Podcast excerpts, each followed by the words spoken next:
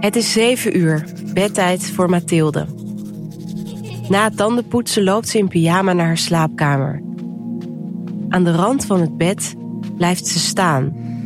Ze ziet er tegenop om onder de dekens te kruipen, want wat als het vannacht gaat gebeuren? Misschien heeft God al bedacht dat ze niet naar de hemel zal gaan. Misschien gaat ze vannacht ineens dood in haar slaap en wordt ze wakker in de hel. Een kind is kneedbaar. Of zoals ik schrijf in mijn boek Ik ga leven. Kinderen zijn een hol vat. Je kunt erin uploaden wat je wilt. Een intolerant mens begint immers nooit als zodanig. Je kunt een kind vertellen hoe God de wereld heeft bedoeld. Vaak blijft dat een leven lang de waarheid. Maar sommige kinderen gaan vroeg of laat op zoek naar hun eigen waarheid.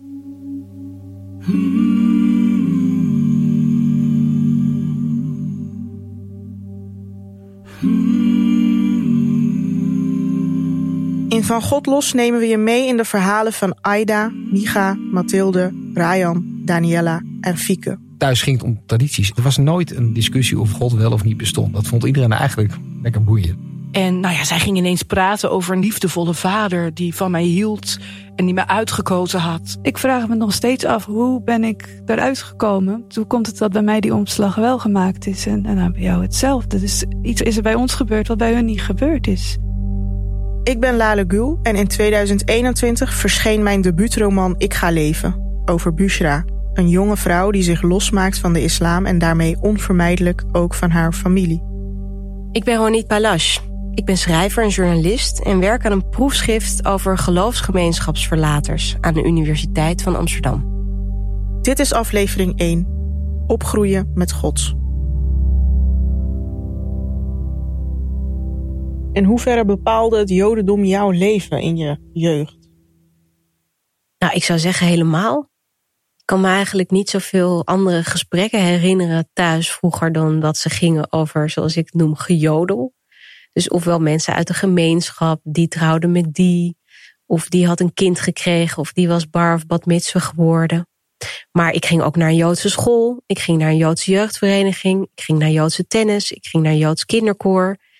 En uh, ik mocht ook nog naar extra Joodse les op zondag. Dus eigenlijk was alles erdoor bepaald. We kenden eigenlijk ook alleen maar Joden met wie we omgingen. De gesprekken gingen daarover. Ik weet nog dat ik toen ik ging studeren naast een jongen zat die me vertelde, niet Joodse jongen, die me vertelde, ik heb mijn moeder heel lang niet gesproken. En dat ik zei, ja, ik ook niet. En dat ik aan hem vroeg, hoe lang heb jij er al niet gesproken? En toen zei hij een half jaar. En jij? En toen zei ik, drie dagen. dus het was een soort enorme cultuurschok op een bepaalde manier. Dat je opgroeit in Amsterdam, Amstelveen. En tegelijkertijd ook helemaal niet. In hoeverre denk je dat dat, um, dat opgroeien met God verschillen heeft met opgroeien zonder God? Word je daar een ander mens van of zo? Of krijg je daar andere, later misschien een andere levensinstelling van? Dat is denk ik voor iedereen verschillend. Bij ons lag de nadruk niet zo heel erg op God, maar wel op de gemeenschap en op het gemeenschapsleven. En Ja. de codes en de regels die daarbij hoorden. En in mijn ervaring voelde dat alsof dat heel erg beperkt was. Alsof er eigenlijk heel erg weinig andere werelden ook nog binnen konden sijpelen.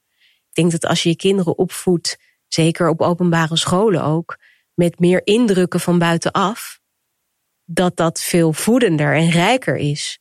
Maar het is niet per se zo dat iemand die in een geloofsgemeenschap opgroeit geborneerd is. Dat geloof ik ook weer niet. Het heeft ook te maken met wat voor persoon jij bent.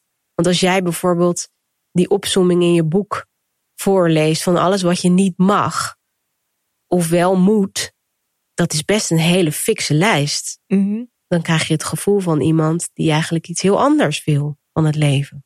Want dat moet ook iets zijn wat jij best herkent. Dat je hele leven of je hele dag eigenlijk een beetje gedicteerd of geregisseerd, om het aardiger te zeggen, wordt door de codes en de regels. Ja, ik herkende me daarom ook heel erg in vooral de verhalen van Mathilde en Fieke. Het was bidden, danken, eten en weer bidden, danken. En zoveel anders dan dat was er niet. Het ging zelfs zo ver dat ze geen tv mocht kijken. En dat idee, dat gevoel herkende ik heel erg. Misschien waren de details anders bij mij. Maar ja, dat gevoel van, is dit het leven dan? Ga ik uh, de komende honderd jaar dit doen? Uh, mag ik dan nooit eens een keer over de schreef gaan? Mag ik nooit eens een keer een regel verbreken? En het liefst blijven verbreken, want dat, ik denk dat ik me daar gelukkiger bij voel. Überhaupt, ja, die, die, die regels, waarom, waar zijn ze goed voor? Heel erg dat jezelf afvragen, dat had ik heel erg. Ja, ik kan me voorstellen. Bij mij had het ook wel te maken met een zekere mate van verveling. Met name omdat je dan bijvoorbeeld op Shabbat moest je wachten totdat de drie sterren aan de lucht stonden. En in de zomer betekende dat dus dat die dag heel laat pas afgelopen was. Althans dat je weer de gewone dingen mocht doen. Want op Shabbat mocht ik niet uh, rijden, muziek luisteren, uh, op de fiets springen, ergens naartoe gaan, winkelen. Wat je ook wil doen als je jong bent, zou ik maar zeggen. Ja, maar het woord verveling is wel heel juist, denk ik. Want dat dat gevoel had ik ook op de Koranschool elk weekend. Ik had dat gevoel ook bij het vijf keer per dag bidden. Want het is, het is niet per se bidden in je eigen taal. Hè. In de islam bid je in het Arabisch. Dus het is gewoon teksten opdreunen en dat vijf keer per dag. Ja, dat is in het Jodendom hetzelfde. Ja, met de lichamelijke handelingen erbij. Maar het is altijd hetzelfde. Het is een soort routinematig iets. Ik zie het niet eens als bidden eigenlijk. Nee, maar dat komt omdat jij er ook niks bij voelt. Ja. En dat maakt natuurlijk het essentiële verschil uit. Want als je daar echt in gelooft en je voelt er van alles bij, mhm. dan worden die teksten meer dan teksten. En ik denk dat wij allebei ik geloof niet, niet voelden. Ik geloof niet dat er mensen zijn die daar vijf keer per dag bezieling bij voelen. Dat denk ik wel. Dat denk ik wel, want je ziet het ook vaak aan de overgave waarmee mensen dat doen. Of als ze het niet zouden doen, dat dat echt een enorm probleem voor ze zou vormen. Ik denk dat doordat wij er niet echt iets bij voelden, niet het gevoel hadden dat we echt in een contact of in een gesprek stonden met God, dat die teksten ook maar gewoon teksten waren. En sterker nog, op een bepaalde manier ben ik er eigenlijk blij om dat die teksten in het Hebreeuws waren. Want als ze in het Nederlands waren geweest, was ik waarschijnlijk zo geschrokken van de letterlijke vertaling van al die zinnen, dat ik meteen ermee was opgehouden.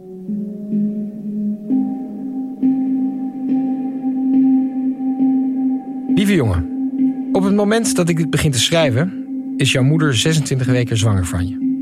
Er is een reden dat ik dit stuk schrijf. Ik heb namelijk het gevoel dat ik je iets moet uitleggen. Dat iets heeft een naam en is het Jodendom. Micha groeide op met het Jodendom. Hij wilde zijn zoon van inmiddels 3,5 jaar uitleggen wat dat betekent. En daarom schreef hij speciaal voor hem een boek. Een handreiking aan mijn ongeboren zoon. Het Jodendom is een religie met een enorme hoeveelheid aan gebruiken, tradities en regeltjes die invloed hebben op vrijwel elk vlak van het leven. Van wat je eet tot wat je aan hebt, van de partner met wie je je leven wil delen tot hoe je begraven wordt. Je zal verbaasd worden over de details waarmee sommige regels worden nageleefd. Shabbat begint om 13 minuten over 5 en geen minuut eerder en ook niet later. En als het puntje van je etrok een hele dure citroen afbreekt, dan kan je er niets meer mee. En na vlees moet je 1 uur wachten voor je weer melkproducten mag eten. Of drie. Of zes. Maar ook zal je lange speeches aanhoren van mensen die een hoop wijze en minder wijze les leren uit alle oude geschriften. Misschien kom je zelfs ooit iemand tegen die je zal vertellen dat mijn keuzes met betrekking tot het Jodendom helemaal verkeerd waren. En heel, heel misschien kom je ooit tot diezelfde conclusie. Ook bij Mathilde thuis was het geloof door elke dag heen gevlochten.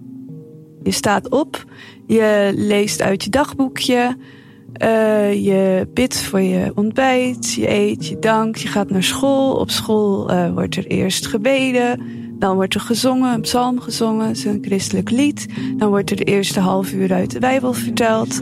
Dan wordt er weer gezongen. Dan heb je de rest van je ochtend. Aan het einde van de ochtend wordt er gebeden. Je gaat naar huis, je bidt voor je eten, je eet. Je leest uit de Bijbel, je dankt. Nou ja, zo gaan dan smiddags ga je weer naar school. Er wordt weer gebeden, gezongen, les, zingen, bidden. Je leest uit de Bijbel, je dankt.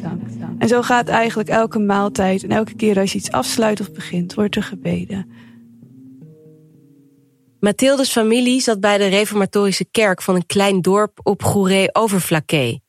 De Zwarte Kousenkerk wordt die ook wel genoemd. Ja, dus je bent altijd bezig met de regels van God toe te passen in je dagelijkse leven. Het idee is eigenlijk, uh, je leven is er tot eer van God. Dus alles wat je doet moet tot eer zijn van God. Is dat het niet, hoef je het niet te doen. Echt elk aspect van je leven. Elk aspect van je leven. Maar heeft God dan geen ruimte gemaakt voor entertainment, voor vermaak? er is natuurlijk wel wat vermaak. In de tijd dat ik opgroeide was dat ook wel anders dan dat het nu is. Dus tv uh, mocht bijvoorbeeld niet. Maar je mocht wel uh, lezen. Maar het liefst iets christelijks en iets wat uh, niet tegen Gods wil inging. Dus bijvoorbeeld Harry Potter mocht ik niet lezen, want dat was occult. Dat deed ik dan wel stiekem, maar. Waarom mocht je geen tv thuis? Omdat dat uh, een spreekbuis van de duivel zou zijn. Omdat er allemaal dingen op zouden komen die uh, niet christelijk waren. Maar je hebt toch ook christelijke zenders? Die zijn niet christelijk genoeg. Hmm. Dus het idee, bijvoorbeeld de EO, wordt uh, niet christelijk genoeg gevonden. Dat noemen ze Halleluja Jezus Christenen. Dat zijn gewoon die, uh, die, vinden, die denken van nou, we doen een beetje vrolijk over God en dan komt alles goed. Maar zij vinden dat je niet zo makkelijk over het geloof kan doen. Mm -hmm. het, het is allemaal veel zwaarder. Je zei net de spreekbuis van de duivel. Ja. Had je ook een idee als kind van wat die duivel dan was, hoe die eruit zag? Uh, ja, we hadden Statenbijbel waar, dat, uh, waar tekeningen in stonden. En er stond dan een duivel in, ja, met twee hoorns en een drietand. Ja. Geloofde je in die duivel? Ja, ja, ja, ik geloofde wel echt in die duivel. Ik was ook wel er bang voor, vooral voor de hel. Dus dat, uh, ja, ja, ja. Want, Was, hoe zag die hel eruit? Dat stond ook in die, uh, die Statenbijbel. Het waren vooral heel veel vuur en mensen die gemarteld werden. Dus dan zag je dus gewoon echt tekeningen en van, van engelen die met zwaarden mensen aan het slaan waren en dergelijke. En wanneer kwam je daarin terecht als je wat zou doen? Daar kwam je in terecht als je dood zou gaan en niet bekeerd zou zijn. En het is een beetje moeilijk om het onderscheid te hebben, maar je kan in God geloven zonder bekeerd te zijn, volgens de kerk waar ik uitkom. Volgens de kerk waar ik uitkom moet je voortbestemd zijn om echt bekeerd te zijn, om naar de hemel te gaan. En dat is een proces, dat heet de bekering. En uh, dan raakt God je echt. En pas als God je echt geraakt heeft, dan pas dan uh, kan je naar de hemel. En, dat en God kiest van tevoren uit wie dat zal gebeuren, wie dat niet zal gebeuren. Dus je kan je hele leven naar de kerk gaan en alsnog niet bekeerd zijn. Dan ga je alsnog naar de hel. Dus dat, dat leerde ik al heel vroeg. En ik wist dat ik niet bekeerd was. Dus ik wist dat als ik dood zou gaan, dat ik naar de hel zou gaan. Dat snapte ik helaas best wel vroeg. Dat snapte ik toen ik een jaar of zes, zeven was, snapte ik dat al. Dus ik was hartstikke bang om te slapen. Omdat ik dacht van ja, als ik, als ik slaap en, en, en ik ga dood, dan zit ik in de hel. En dan kan ik er nooit niks aan doen. Dan zit je voor eeuwig, dan kom je nooit meer uit. En dat is pijn voor de rest van de eeuwigheid. En hoe wist je dat je niet bekeerd was? Daar ging heel veel preken over in de kerk. Daar werd altijd over gepraat. Een bekering, dat zou je echt moeten voelen. Dus dan zou je voelen dat God je zonde echt vergeven heeft. Pas als je bekeerd bent, dan vergeeft God echt je zonde. Pas als die zonden vergeven zijn, dan pas mag je naar de hemel. En ik voelde dat niet, nee.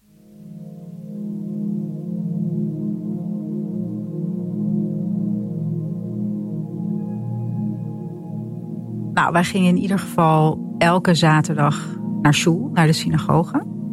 En dat waren diensten van 9 uur s ochtends tot 12 uur half 1 s middags. Dus dat duurde eindeloos. En um, ja, ik vond dat heel mooi. Dus daar deed ik erg mijn best voor. Dit is Daniela. Ze groeide op in een orthodox Joods gezin.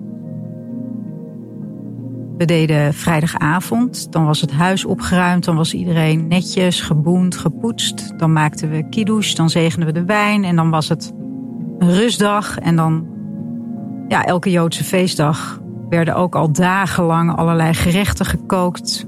Er waren heel veel regels, want we hadden natuurlijk een kosher huishouding. Dus wat mag wel en niet in welke vaatwasser en van welk servies. Dat was echt een beetje het praktische gebeuren. Omdat Joden melkproducten en vleesproducten niet met elkaar mogen vermengen, dienen er verschillende serviezen te zijn en mogen deze ook niet bij elkaar gewassen worden. Daarom heb je bijvoorbeeld verschillende vaatwassers en serviezen nodig. En waren er nog andere regels voor jou dan bijvoorbeeld broers of zussen? Nou ja, ik had wel altijd het idee dat het uh, van mij werd verwacht dat ik mij hulpvaardig en dienstbaar ging opstellen in de keuken, in het huishouden. Ik moest er altijd mooi en netjes verzorgd uitzien. Nou, mooi voorbeeld is dat als we dan uh, na het eten. dan zei mijn vader tegen mijn broertje: Kom, we gaan een backgammon doen. En dan gaat Daniela mama helpen in de keuken. Dus dat was altijd wel een beetje duidelijk voor mij: van hé, hey, dat is mijn plek. En voor mijn broertje, dat is zijn plek. En ik vond dat onwijs stom. En kon je daar iets tegen inbrengen? Nou, dat heb ik op mijn manier denk ik wel geprobeerd. Want ik heb een fase gehad als meisje van 7, 8 dat ik vond dat ik een jongen was en dat ik Lex genoemd moest worden. Mijn neefje heette Lex en dat wilde ik ook. Dus ik klom in bomen en ik plaste als een jongen bij de wc. Dat was natuurlijk vrij dramatisch. Ik heb ergens onbewust aangevoeld dat het beter was om een jongetje te zijn. Dus ik dacht echt, dat wil ik gewoon. En waarom was dat beter? Nou, want dan mocht ik dingen. En dan was ik niet ondergeschikt. En dan mocht ik wilde gewoon de wereld in. Ik was altijd als heel jong meisje geïnteresseerd in van alles. En dat was helemaal niet de bedoeling. Ik moest me gewoon focussen op het huis, focussen op de huishouding.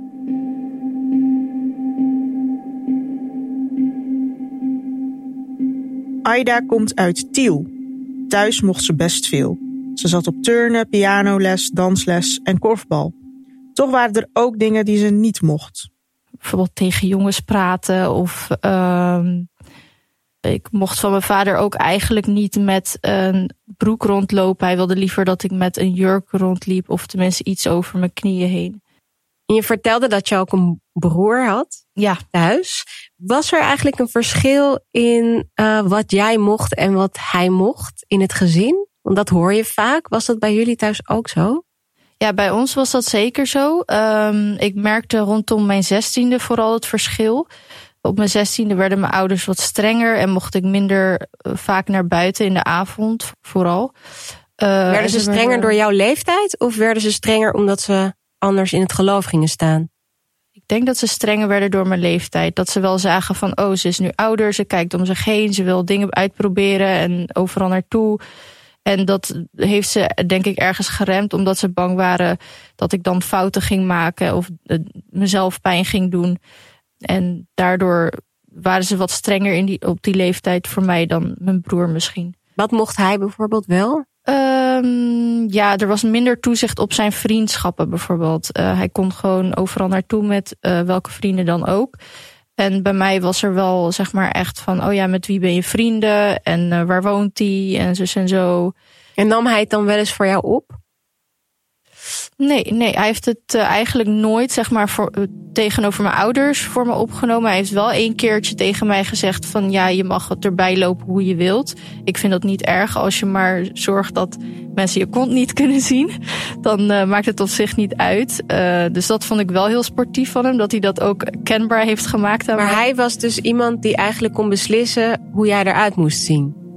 Hij gaf zijn mening er inderdaad over, maar hij kon zeg maar ook wel um, een beetje de baas over mij spelen vaak. Um, ik heb bijvoorbeeld gemerkt dat hij vroeger, als hij bijvoorbeeld iets in het huis gedaan wilde hebben en uh, ik deed het bijvoorbeeld niet, dat hij daar boos dan om werd. En mijn ouders die gaven hem daar wel gewoon de ruimte voor om die boosheid te uiten. Ze waren er niet heel streng op. Tuurlijk, ze hebben gezegd tegen hem van hé, hey, doe eens even normaal als ik er dan wat van zei. Maar voor de rest mocht hij wel grote broer spelen vanaf mijn elfde. Toen uh, begon ik een snor te krijgen. Rayan, niet zijn echte naam, komt uit Tilburg. Op zijn elfde veranderde er veel voor hem. Vanaf toen moest hij deelnemen aan belangrijke rituelen van de islam. Want ja, toen kreeg hij dus die snor. Een, echt een dikke snor. Had je een klein mannetje van 1,40 met een dikke snor. En toen mochten we inderdaad met het beginnen met het ritueel wassen. En dat we dan vooral in het weekend samen, samen ging bidden door de week was mijn vader altijd weg om te werken. S ochtends. Wordt er in het geloof gekeken naar uh, lichaamsbeharing om te bepalen of je verplicht bent voor het gebed? Bij ons wel. Wat vooral bij de puberteit. Dan is het inderdaad je tijd ja, om je in te treden als volwassene. En dan beginnen de extra maatregelen, zoals ik ze zelf noem, uh, voor het geloof. Dus uh, meedoen met het vasten. En ook het bidden. Vijf keer per dag, Vijf vanaf keer je elfde. Ja. Klinkt zwaar. Ja, ik deed het ook niet. Dus het, uh, ik kreeg inderdaad daarvoor kregen we een soort van uh, les hoe, hoe we moesten bidden. En dat we ook de, de gebeden uit ons hoofd moesten leren. kan me nog goed herinneren dat we aan de keukentafel zaten en dat we dan de gebeden gingen opschrijven, fonetisch. Het was ook een ander Arabisch wat ik sprak, dus ik had geen flauw idee wat ik zei. Moet je voorstellen dat als je geen Frans spreekt, dat je een Frans gebed krijgt en dat je dat maar opnoemt. Maar wat je zegt, geen idee. Er waren, buiten dat waren uh, vooral uh, de, de kleinere, subtiele dingen wat er daaraan meedeed. We mochten niet te veel afspreken bij vriendjes. We mochten ook absoluut niet slapen bij vriendjes. Terwijl andere mensen dat wel deden. Er mocht ook niemand blijven slapen. Um, Wat was daar de reden van? Ja, dat is een hele goede vraag. Op de dag van vandaag heb ik. Het, het mocht gewoon niet, punt. Maar had dat iets te maken met het geloof? Ik denk het niet. Ik denk dat het ook weer een punt is wat cultuur en, en geloof een beetje ver, verweven wordt. Had het echt direct met geloof te maken? Ik denk het niet. Geloofde je zelf in God? Nooit. Nooit? Nee, heb ik nooit gedaan. Dit is Micha. Je hoorde hem aan het begin al even toen hij voorlas uit het boek over het Jodendom voor zijn zoon. Als klein kind al nam hij de verhalen over God met een korreltje zout. Dat realiseerde ik me echt al heel erg vroeg. Ik weet nog dat ik ergens uh, op de. Ik denk voor mij was het nog de kleuterschool, maar misschien was het net, uh, net de basisschool dat er een, uh, een kindje broodjes ham uitdeelde. Daar nam ik er ook eentje van. En toen zei de juf, zei, dat mag jij toch helemaal niet eten? Toen zei ik, zie jij mijn ouders hier dan? Ik geloofde, denk ik, nooit dat dat echt niet mocht. Dat er echt iets ging gebeuren als ik dat wel zou doen. Maar het hele godsgeloof was thuis ook niet een enorm ding. Thuis ging het om tradities en absoluut niet zozeer. Er was nooit een discussie of wel God wel of niet bestond. Dat vond iedereen eigenlijk lekker boeien. Dat, dat, dat, Hmm. Het was een traditioneel gebeuren. En alles was volgens de regeltjes en de traditie. Maar niet omdat er iemand bij ons thuis bang was dat God heel erg boos zou worden. Dat, was, dat bestond helemaal Maar waarom zou je regels en tradities en rituelen volgen als je niet in God gelooft? Of als, als dat niet per se ter sprake komt of zo? Ja, mijn broer grapte ooit. Uh, ik weet niet helemaal zeker of God bestaat, maar de rabbijn bestaat in ieder geval. De, uh, is dat los van elkaar of zo? Nee, nou ja, kijk, er, er is gewoon een, een, een drang om die traditie in leven te houden. Wie ben ik om die duizend jaar oude traditie te stoppen? Ik heb het door te geven. En daar komt zeker ook een deel van de holocaust komt daarin uh, meespelen. Er is al zoveel verloren gegaan. Er is al zoveel kapot gemaakt. Er is al zoveel verwoest. Het is aan mij om te zorgen dat het blijft bestaan. Het is niet aan mij om te zorgen dat ik het laatste duwtje de afgrond in, uh, ingeef. En ik denk dat een heel deel van de generatie van mijn ouders daar op die manier heel sterk in stond. Bij Mathilde thuis was er over het bestaan van God geen twijfel. Niet alleen thuis trouwens. Ook bij de mensen uit het dorp die ze kende en de scholen waar ze naartoe ging. Kun je iets vertellen over um, de gemeenschap waarin je leefde en in hoeverre die van belang was voor hoe jij je leven leidde en je ouders? Uh, ja, ja, ik kom uit een klein dorp met 2000 mensen. Uh, ik denk dat de helft van het dorp christelijk is en dan best wel christelijk. En de andere helft niet. Nou, die leven best wel langs elkaar heen. Je hebt ook twee scholen, de openbare school en de christelijke school. Dus ik kende iedereen van de christelijke school. En uh, daar heb je eigenlijk een hele. Ja, die, je kent iedereen van dat deel van het dorp. Dat, is dat prettig?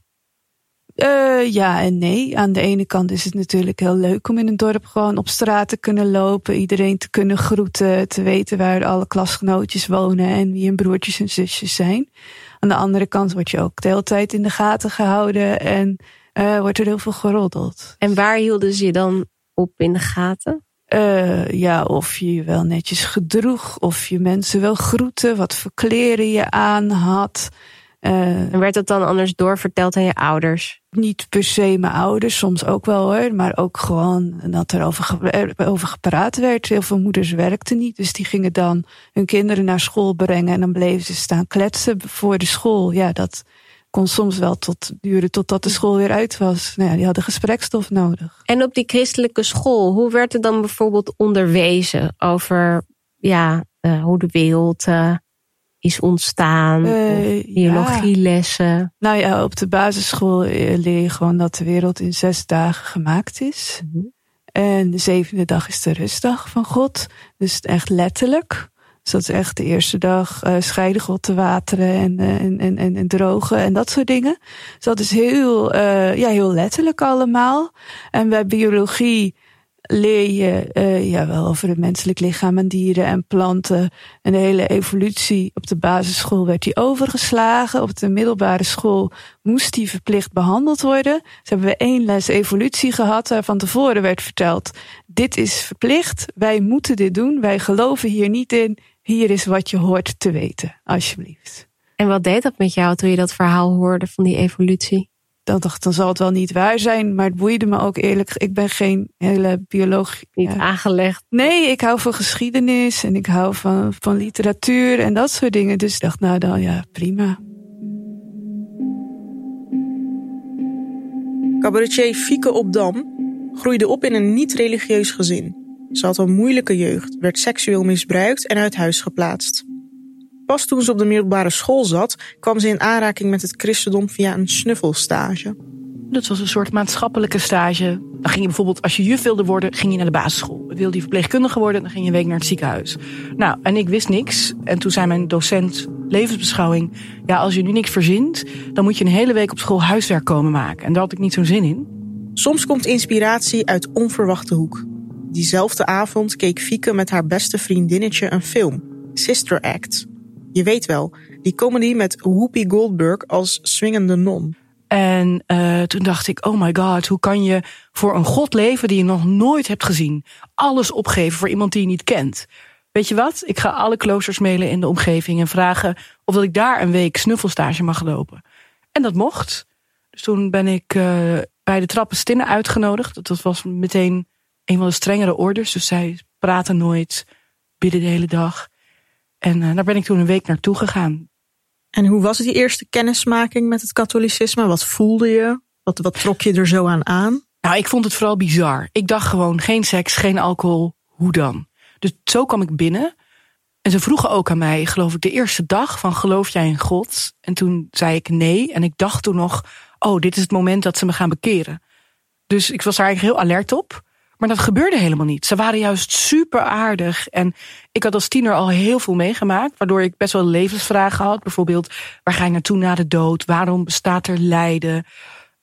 En nou ja, zij ging ineens praten over een liefdevolle vader die van mij hield en die me uitgekozen had.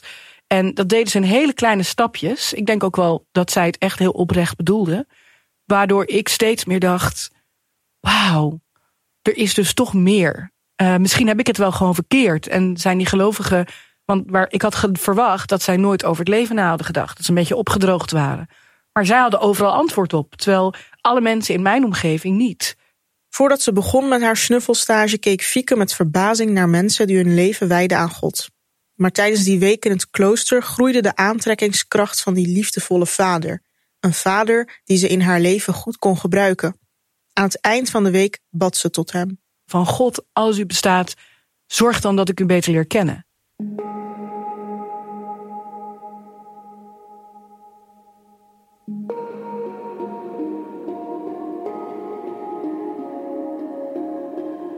Na haar stage besloot Fieke al snel dat ze ook non wilde worden.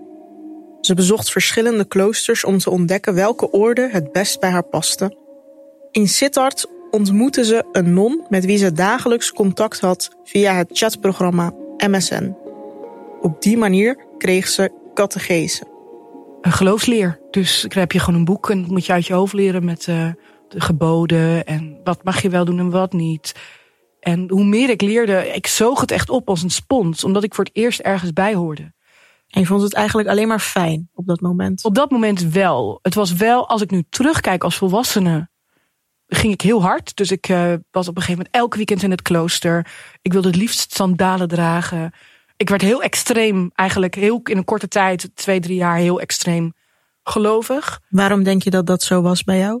Nou, ik denk wat ik net zei, dat ik voor de eerste keer in mijn leven ergens bij hoorde. Mhm. Echt bij hoorde. Echt een familie die echt ook echt belde. Hoe gaat het met je? Kom je met feestdagen? Maar ook, ik had voor het eerst antwoorden op vragen als wat gebeurt er na de dood? Ik had mensen heel jong verloren. Uh, waarom lijden we eigenlijk? Ik had ineens antwoorden op dingen die me voorheen vooral ten last bezorgden. En nu ineens had het een hoger doel. En ik wist nooit, ik wilde altijd iedereen helpen, omdat ik me heel veel zorgen maakte om mensen. En nu ineens kon ik door gebed iedereen tegelijkertijd helpen. En dat klinkt nu een beetje als dat je denkt, Jezus. Maar dat zijn hele kleine stapjes die je zet. En ineens zet je er midden tussenin. Ja. Eh, pas als je denkt, hè, dit klopt niet, dan ben je eigenlijk al heel ver. En toen was ik eigenlijk al ingetreden.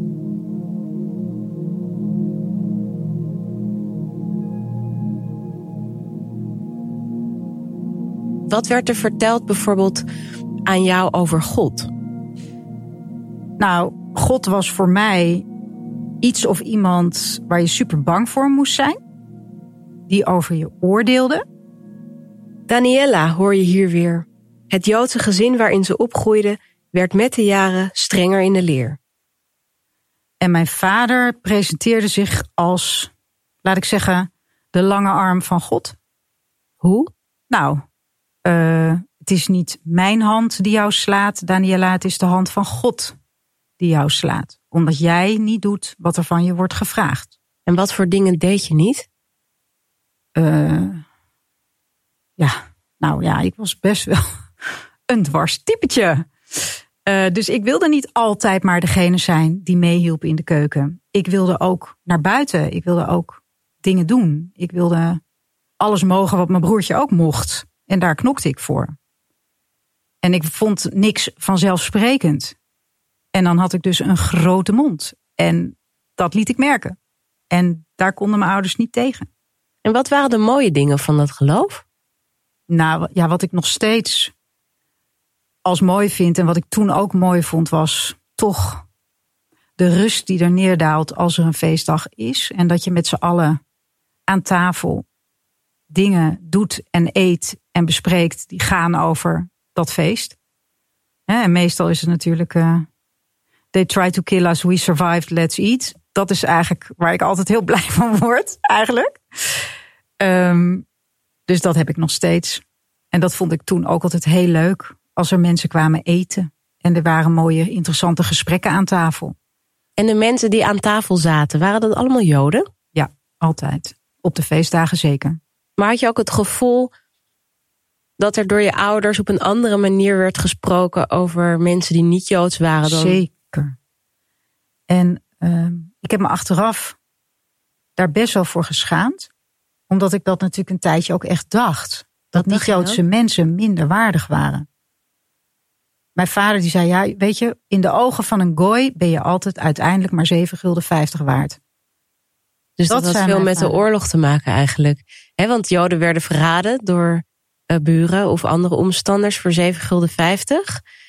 Dus er zat een enorme angst kennelijk achter naar de niet-Joodse wereld. Van dat die je uiteindelijk zouden verraden als het erop aankwam. Ja, ik weet niet of het angst is. Het was meer een soort oordeel over deze mensen hebben een lagere ethische gradatie of zoiets. Mijn vader kon ook altijd over mensen op zijn werk heel duidelijk onderscheid maken als hij over de Gooise collega sprak. De niet-Joodse. De niet-Joodse collega. En wat zei hij dan over ze? Ja, daar vond hij toch eerder dat ze zich dan minder. Ja, ik kan niet een concreet voorbeeld noemen, maar er was altijd wel iets mis. Ze deed, sowieso vond mijn vader vaak dat het aan anderen lag, wat er ook was. Dus dat kan ik niet precies herleiden. Maar ik heb wel altijd geleerd van, joh, Joodse mensen, dat is je veilige basis. Daar hoor je thuis. En die zorgen voor je. En de niet-Joodse mensen, daar moet je voor oppassen. Want ja, als het erop aankomt, zijn ze niet trouw aan je. En verraden ze je zelfs voor geld. Dus dat is altijd een beetje de, de outlook op de omgeving. En ik had altijd zoiets, dat klopt gewoon niet. En wat in jou, denk je, was dat ervoor zorgde dat jij dat gevoel had, dat klopt niet? Kan ik niet uitleggen. Maar het is een soort gevoel. Ik had in de, met, met de niet-Joodse vriendjes en vriendinnetjes, met de kinderen met wie ik op straat speelde, nooit het gevoel. Als kind had ik dat gevoel al nooit. Ik had het ook niet bij niet-Joodse leerkrachten of zo. Dus ik, ja, ik ken natuurlijk de oorlogsverhalen. Ik bedoel, daar ben ik mee opgegroeid. Doodgegooid is misschien een raar woord, maar dat is wel zo. Ik, ik had heel erg zoiets van, ja, dat zijn ook mensen, die hebben ook kinderen. Die willen toch ook dat hun kinderen het goed hebben? Ik, ik kon dat gewoon niet.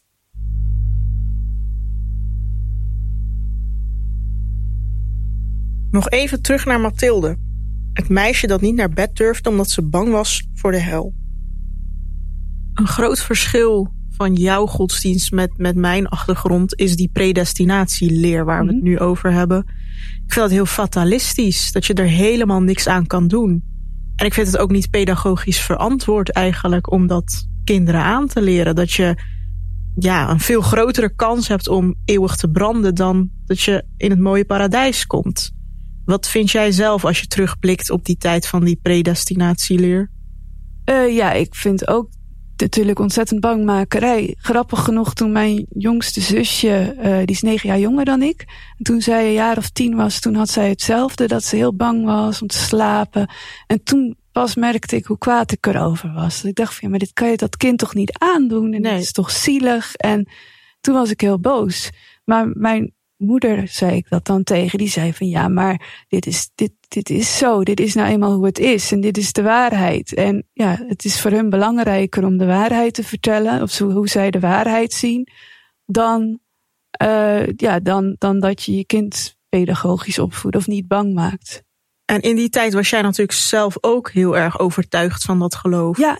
Ging je dan zelf ook andere um, duiden op de regels en, en vingertje wijzen en ja, politieagentje spelen? Zeker. Ja, als kind deed ik dat absoluut. Ik geloofde echt dat dat allemaal zo zat. Vrouwen mochten geen broeken dragen. Dus als ik naar de snoepwinkel ging en de mevrouw van de snoepwinkel had een broek aan, dan zei ik van hé, hey, dat mag niet. Mijn overgrootmoeder had een televisie. Dan zei ik, oma, je mag helemaal geen televisie hebben en ook geen kerstboom. Dat mag helemaal niet. Weet je, want dat ik dacht van ja, dat is, ik doe, dit is goed wat ik doe. Ja. Want ik wil niet, ik hou van deze mensen of ik vind ze aardig en ik wil niet dat ze naar de hel gaan. Dus ja, als kind ja. ben je dan zo, ja. Ik vind dat psychologisch heel interessant dat je dat zomaar even aanneemt en dat je zelf ook onderdeel wordt van dat systeem. En ook zelf politieagentje gaat spelen. Dat heb ik zelf ook lang gedaan. Mm. En ik heb het idee dat sommigen daar gewoon nooit meer uitkomen uit die fase. Ook niet op een latere leeftijd. Nee. En wij zijn dan voorbeelden van mensen die op een gegeven moment toch wel vragen zijn gaan stellen bij hè, wat doen we nou eigenlijk en vinden we het nou echt? En heel veel mensen die, die komen, ja, die hebben dat niet. Die blijven daar altijd heel lang, ja, eigenlijk heel lang in. Klopt, ja. Ja, ik snap het ook wel. Want het is ook, ik vraag me nog steeds af, hoe ben ik eruit gekomen? Maar hoe, is het, hoe komt het dat bij mij die omslag wel gemaakt is? En, en nou, bij jou hetzelfde. Dus iets gebeurt, is er bij ons gebeurd wat bij hun niet gebeurd is. Ja, ik denk nieuwsgierigheid of heel veel vragen stellen of kritisch zijn. Ja, ik denk het, ja.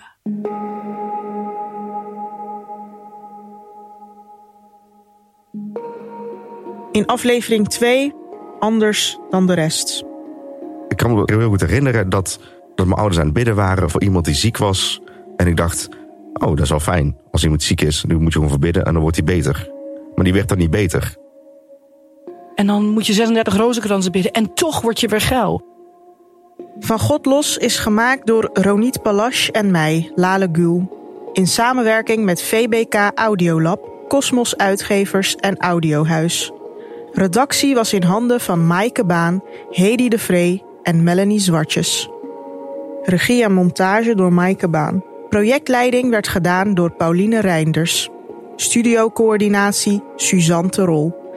En sounddesign door Gijs Vriese. De visuele vormgeving is van de hand van Margriet Ozinga. Dank ook aan Miranda Bruinzeel, Alice van Aarle en Rachel van de Pol. Wil je meer weten over Van God Los of wil je ons een bericht sturen? Ga dan naar vangodlosdepodcast.nl. En als je het een mooie aflevering vond, laat dan een review achter. Dat helpt anderen om de podcast beter te vinden. Dankjewel voor het luisteren.